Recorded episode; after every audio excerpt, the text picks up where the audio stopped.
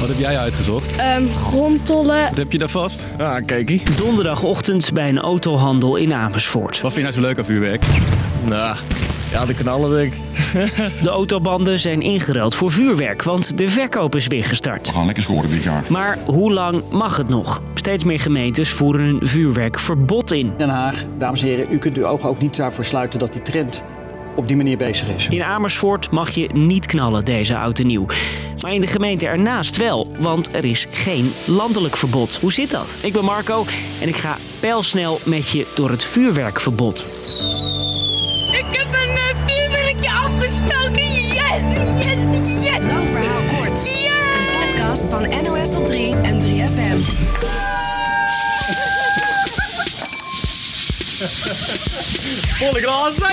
Twee jaar geleden gingen we ook knallend het nieuwe jaar in met corona.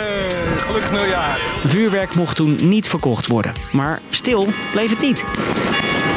En je vuurwerk. Tuurlijk vuurwerk, ja, dat hoort erbij toch? Dat is uit en nieuw, hoort erbij. Maar waar heb je dat vandaan dan?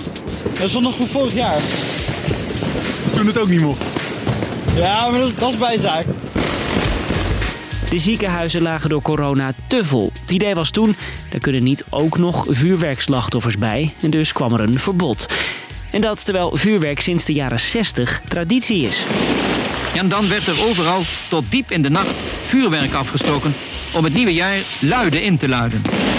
Waarschijnlijk brachten Indische Nederlanders de knallers naar ons land in die jaren.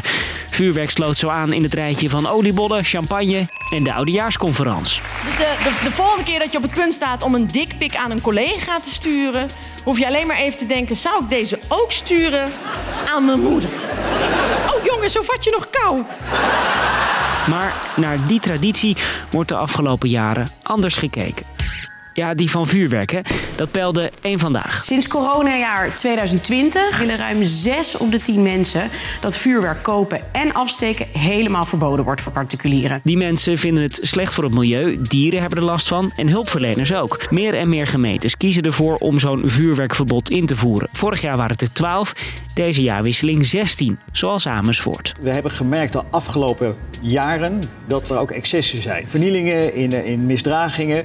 Eh, De inzet van de hulpdiensten alsof het het grootste evenement van eh, Nederland eh, is. Ja, dat is buiten proporties.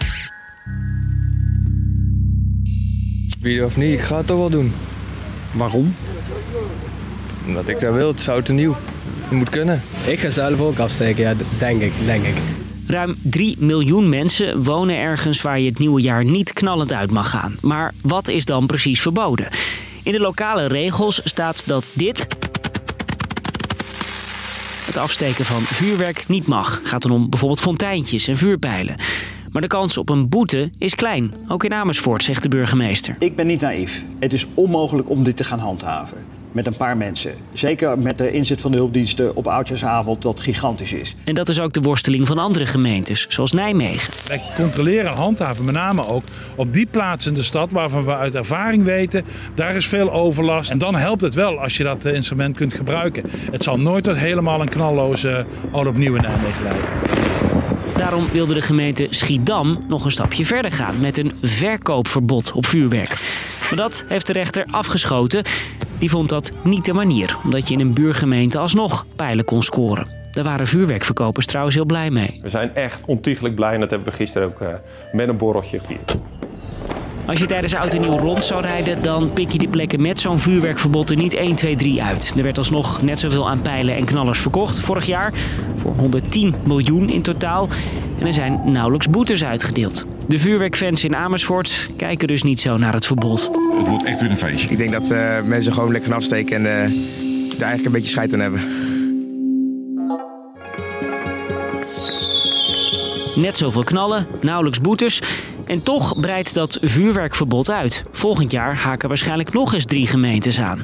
De hoop van die gemeentes, zoals nu ook van Amersfoort, is dat er langzaamaan iets gaat veranderen. Datzelfde geldt als de verkoop van alcohol aan 18-minners. Datzelfde geldt aan rookgedrag. Dat is niet dat op het ene of het andere moment dat het opgelost is, maar dat er wel een maatschappelijke discussie over gaat. Waar Den Haag de ogen niet voor kan sluiten. Twee jaar geleden, tijdens die corona-oud en nieuw, toen leek er nog steun voor een landelijk verbod. Zet dat vuurwerkverbod nu echt voor het hele land door. Ook in Den Haag. Maar het lijkt nu anders. Partijen als GroenLinks, Partij voor de Dieren en D66 zijn voor. Vogels en wilde dieren hebben er heel veel last van. De brandweer, ambulancepersoneel. En ik vind dat eigenlijk niet normaal. Maar dat zijn niet de partijen die nu aan zet zijn in de formatie. PVV, NSC en BBB zijn tegen een vuurwerkverbod in het hele land. Twee jaar geleden strenge winter met schaatsen belanden er in één weekend 50.000 mensen in het ziekenhuis. Dus ik denk ook niet dat we schaatstochten moeten gaan verbieden. En dus blijft dat vuurwerkverbod voorlopig een lokaal ding. Goede jaarwisseling. Ik uh, ga ervan genieten. 3, 2, 1. Dus, lang verhaal kort. Steeds meer gemeentes verbieden het afsteken van vuurwerk. Maar landelijk wordt dat nog niet ingevoerd. Veel mensen zijn de schade en de overlast voor dieren zat. Maar na de verkiezingen zijn de partijen die tegen een verbod zijn aan zet in Den Haag. Oh, trouwens, heb jij ons al sterretjes gegeven in Spotify? Daar is geen verbod op hoor, dat mag altijd en overal. Doei!